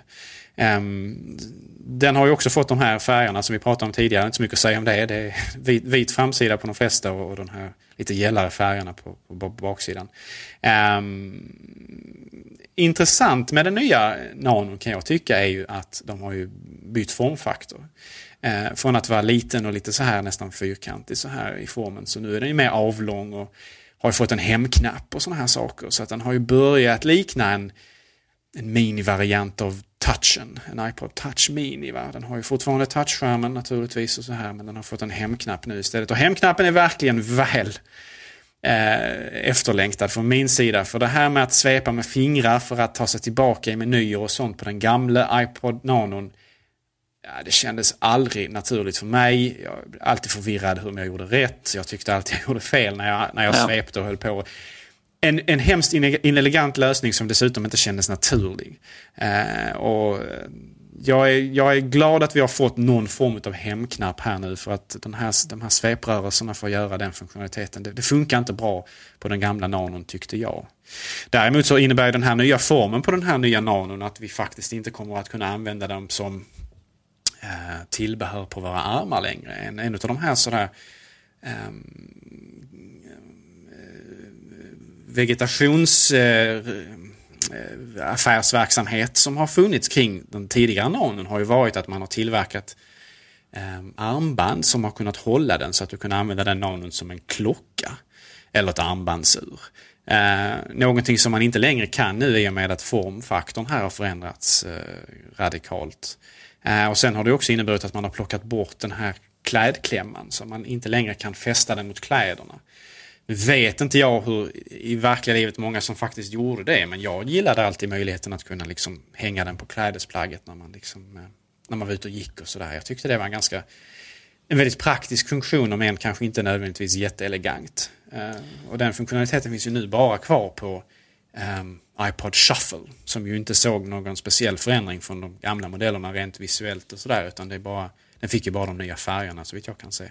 Ja, du är inne på en intressant grej där tycker jag Gabriel för att eh, man har ju eh, från Apples sida lite grann kan man säga experimenterat med vad iPod Nano egentligen ska användas till och vad den ska säljas primärt för. Såklart så kommer det, det är och det kommer alltid vara eh, primärt en musikmaskin men det har ju varit en musikmaskin som man i vissa lägen har kunnat foto, eh, fotografera med.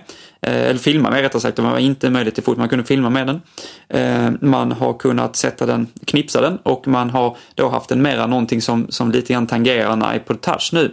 och nu har man också fått tillbaks eh, video om inte jag har fel för mig också. Så att man har ju liksom, man har provat olika vägar med en iPod Nano, olika eh, olika eh, formfaktorer och, och sådär. Så det är intressant att se vart, vart den går någonstans. Nu har du fått en, en form som, som på något sätt får, påminner mer om en, en iPhone eller en iPod touch. Och eh, den, den har också såklart fått fler möjligheter eh, tack vare det. Men också så blir det ju begränsningar såklart. Att den inte var, det är inte alls den optimala eh, iPoden om du ska ut och, och springa eller så. Jag vet att många som kanske sportar eller sådär har kommit in Eh, när jag har arbetat och, och velat ha just en iPod Nano för att den är smidig och man kanske ändå vill ha den här skärmen. Alltså att, att lyssna på en, en podcast eller kanske en ljudbok eller eh, har, har man ett stö större antal musikfiler så är det ju ganska bökigt att ha en shuffle utan skärm och då var ju den gamla iPod Nano en, en alldeles utmärkt eh, form då just för att kunna göra detta med eh, dels den sportiga möjligheten med, med den här lilla eh, fliken eller knipsan och eh, eh, samtidigt då att den var så liten och lätt och hade skärm trots detta. Så att det, det är intressant hur man från Apples sida byter fokus lite när man byter generation på iPod, iPod Nano. Ja, den har inte riktigt hittat sin plats. Känns det som det är något schizofren produkt. Mm. Eh, för att klargöra här det Henrik pratar om så det, det är viktigt att poängtera. Den har fått tillbaka video men bara möjligheten att spela upp det. Så den Just har fortfarande mm. ingen möjlighet att filma. Det finns ingen kamera på den här nya iPod Nanon. Vilket jag inte på något sätt saknar heller. För det tyckte jag alltid kändes märkligt på de, den gamla modellen som hade det. Ja. Eh, den modellen innan den, den som vi bytte ut nu. Um, men den har, nu har den alltså fått möjlighet att spela upp videosnuttar igen. Va? Den har ju fått den här lite, lite bredare bildskärmen och sådana saker. Va? Och, Um, för det är ju också en sån sak som har förändrats som Henrik var inne på. Först så hade vi en Nano som inte hade video. Sen så fick vi en Nano som kunde spela upp video. Sen så förlorade den möjligheten att spela upp video. Och sen så nu så har den då helt plötsligt hux flux fått tillbaka den möjligheten igen. Om inte jag minns fel så introducerades väl video uppspelningsfunktionaliteten med den här FAT-nanon som den kallades. Den här det var förmodligen den mest udda eh, nanoformen hittills. Vad gäller rent hur den såg ut och låg i handen och så vidare. En ganska så experimentell sådan. Och där återigen kommer man tillbaka till det här. Man tittar man på iPhone från den första till den sista, speciellt framifrån, så är det ju väldigt lite som har förändrats visuellt med dem. Medans iPod Nano har ju varit över hela kartan vad gäller hur den har sett ut, vad gäller eh, hur man har kunnat använda den och med vilka fun vilken funktionalitet den har erbjudit. Den har ju liksom fått kamera, förlorat kamera och, så här. Va? Och ganska märkligt på, på många sätt att man är så obestämd över vad egentligen nanon är och vad egentligen nanon gör. Man experimenterar, man har en leklust där men samtidigt så gör det också att en, en, en funktionalitet som kunder har vant sig vid eller förväntar sig från en generation försvinner i nästa och sen så dyker den upp i en tredje och det, det, det känns lite schizofrent på något sätt. Det känns, det känns konstigt. Um, jag, jag kan tänka mig att den nya Nanon kommer att bli ganska så populär ändå. Alltså, eh, prismässigt så ligger den väl ganska hyfsat och sådär. Och, um, jag tror i och med den här nya hemknappen så tror jag att många mer kommer att känna sig mer bekväma med att använda den också.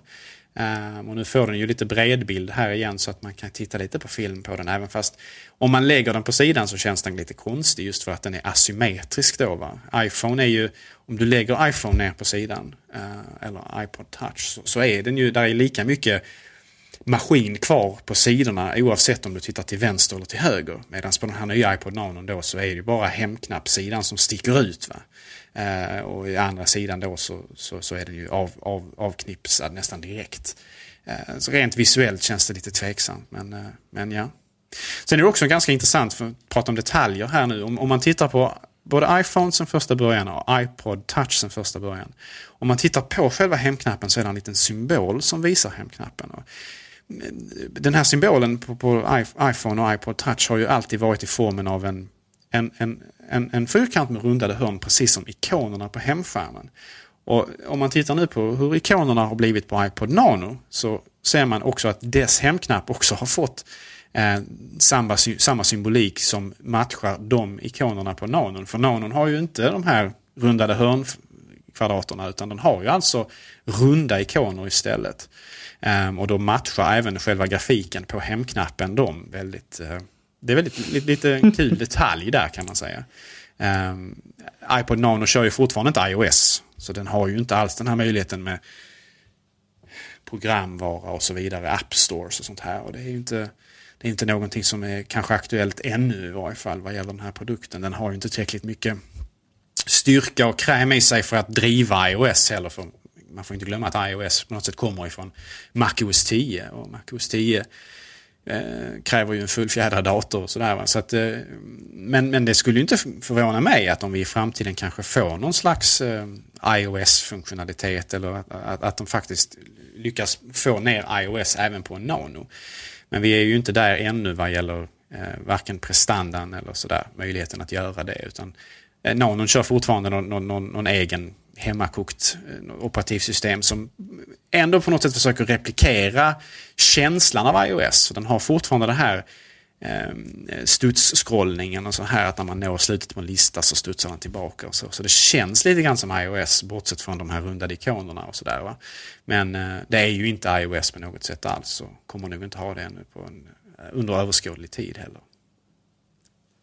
Så är det. Har vi någonting att säga angående presentationen som sådan? Ja, eh, det är ju, vi har ju börjat in lite grann på det här med att man valde att smälla in eh, iPodarna.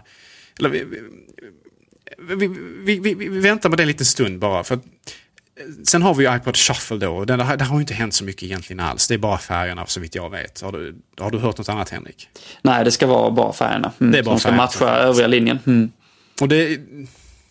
iPod Classic lever kvar alltså. Man kan fortfarande köpa den.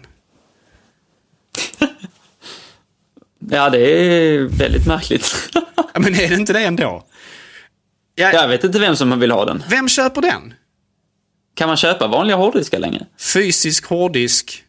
Det här klassiska snurrhjulet som ju på många sätt var en fantastisk uppenbarelse när det väl kom 2001 eller sådär va. Men, men, men idag så känns den produkten väldigt gammal. Ja, gud. Men det är uppenbarligen så att vissa behöver fortfarande den här extra lagringsutrymmet. För det, det, det kan inte vara något annat än det. Det är det vi väntar på alltså. Vi väntar på att en iPod Touch ska komma upp i tillräckligt mycket lagringsutrymme för att kunna konkurrera bort eh, iPod Classic. Det enda anledningen till att köpa en Classic som jag ser det. Den absolut enda anledningen. Ja. Om inte man är knökkonservativ. Det är ju alltså att den, den stora lagringsutrymmet. Och det är ju någonting som touchen ännu inte kommer, har kommit ikapp med. Alltså. Där är ju fortfarande maxkapacitet 64 gigabyte. Förhoppningsvis snart så kommer det en fördubbling där som högsta modell. Så att, vi, så att vi ser 128 gigabyte där istället. Och då tror och hoppas jag i varje fall att iPod Classic eh, försvinner. För att den, jag, jag kan inte tänka mig att den är en storsäljare. Och jag har väldigt svårt att se var och när man egentligen ska rekommendera den produkten. Ehm, för att den känns väldigt gammal och väldigt tråkig vid det här laget. Ehm, och den kommer det är- aldrig få Lightning-porten om vi säger så.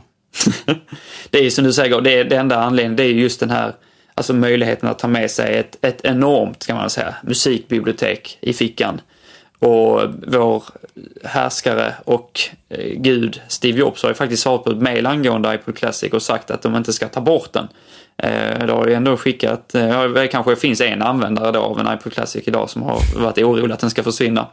Och då har de sagt att, eller sa Steve då, att det, det ska den inte göra, om inte jag minns fel här nu. Och det kommer ju såklart, jag tror att den, den kommer finnas tills att vi har en, eh, en, en, en, eh, en stor SS, eller en stor flashdisk då i, i, eh, i iPod Touch.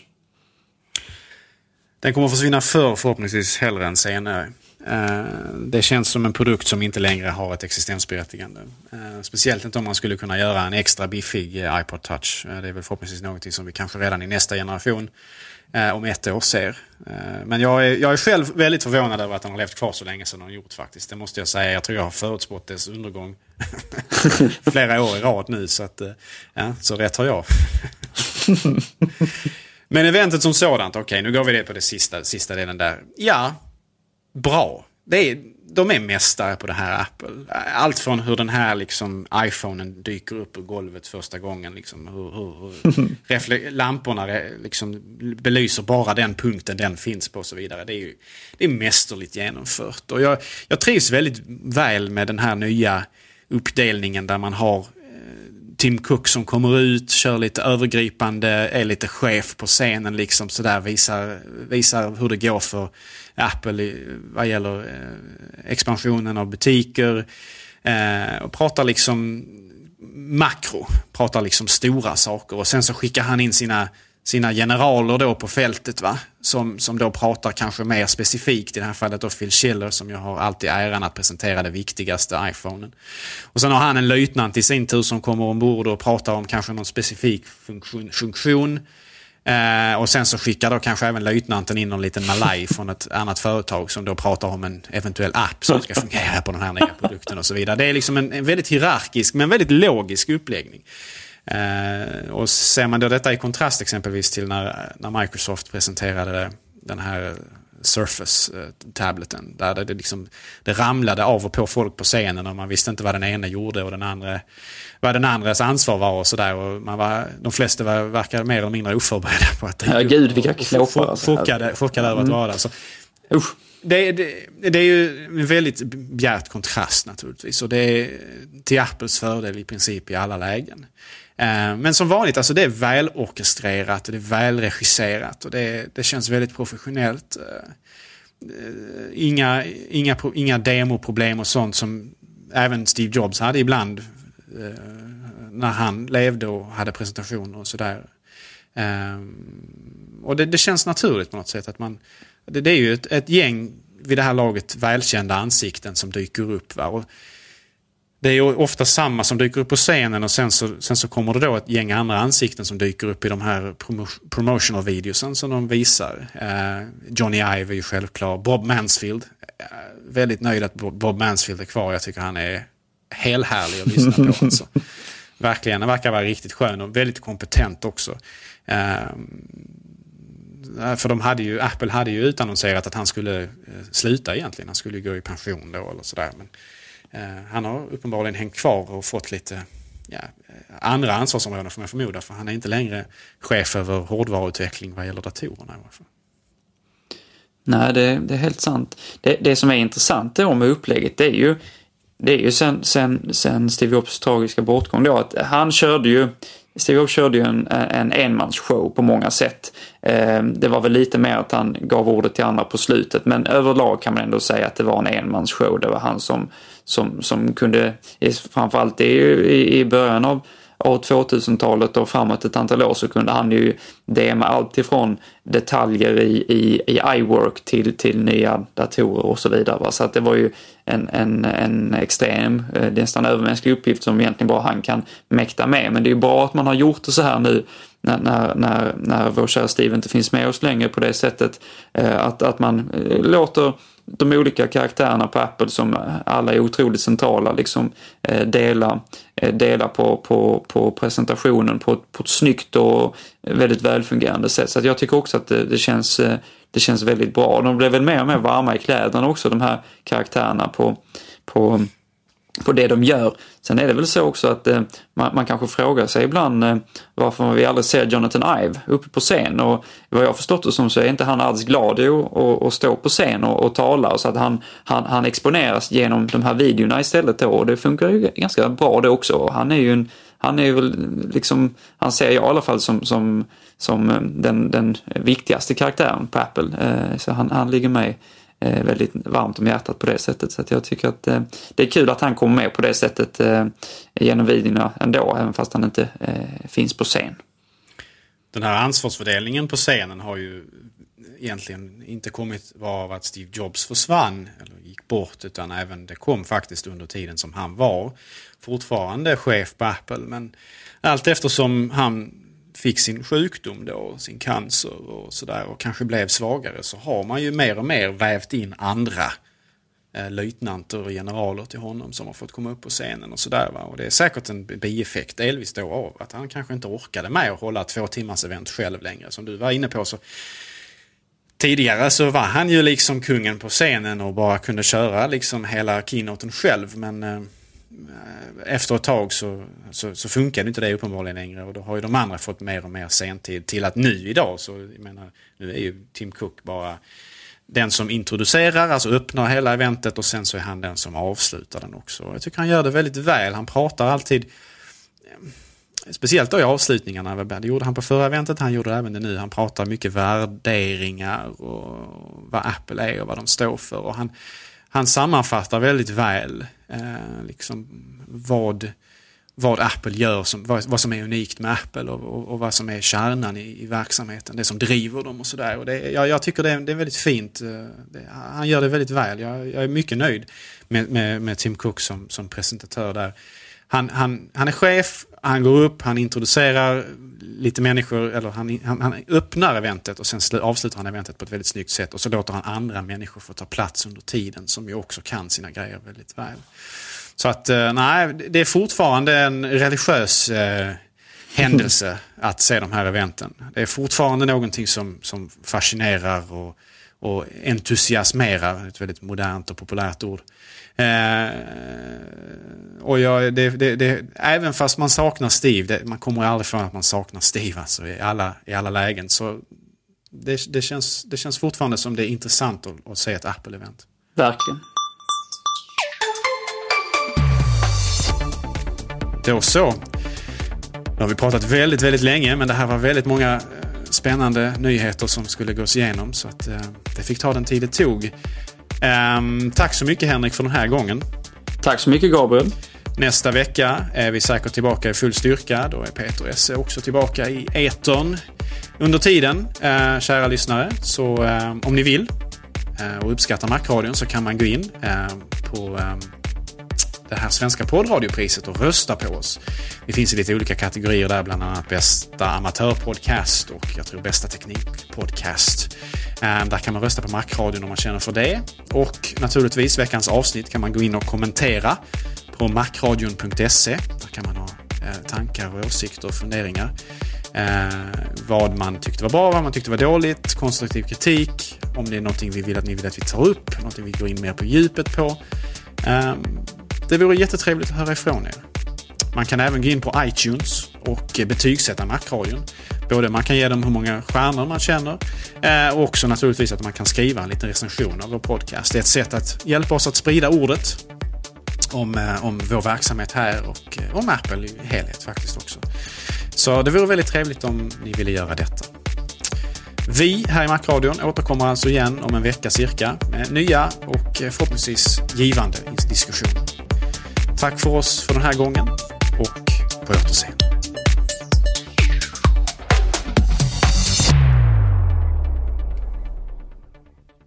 DJ is in the house. Yeah, yeah, yeah, yeah.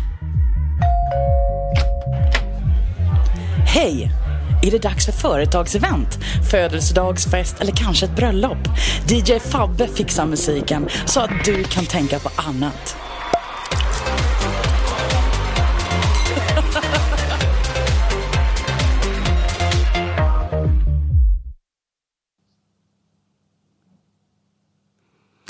Jaha. har man 7% kvar av batteritiden. Nu måste jag stoppa här innan vi eh, förlorar hela vår eh, underbara avsnitt här. Så.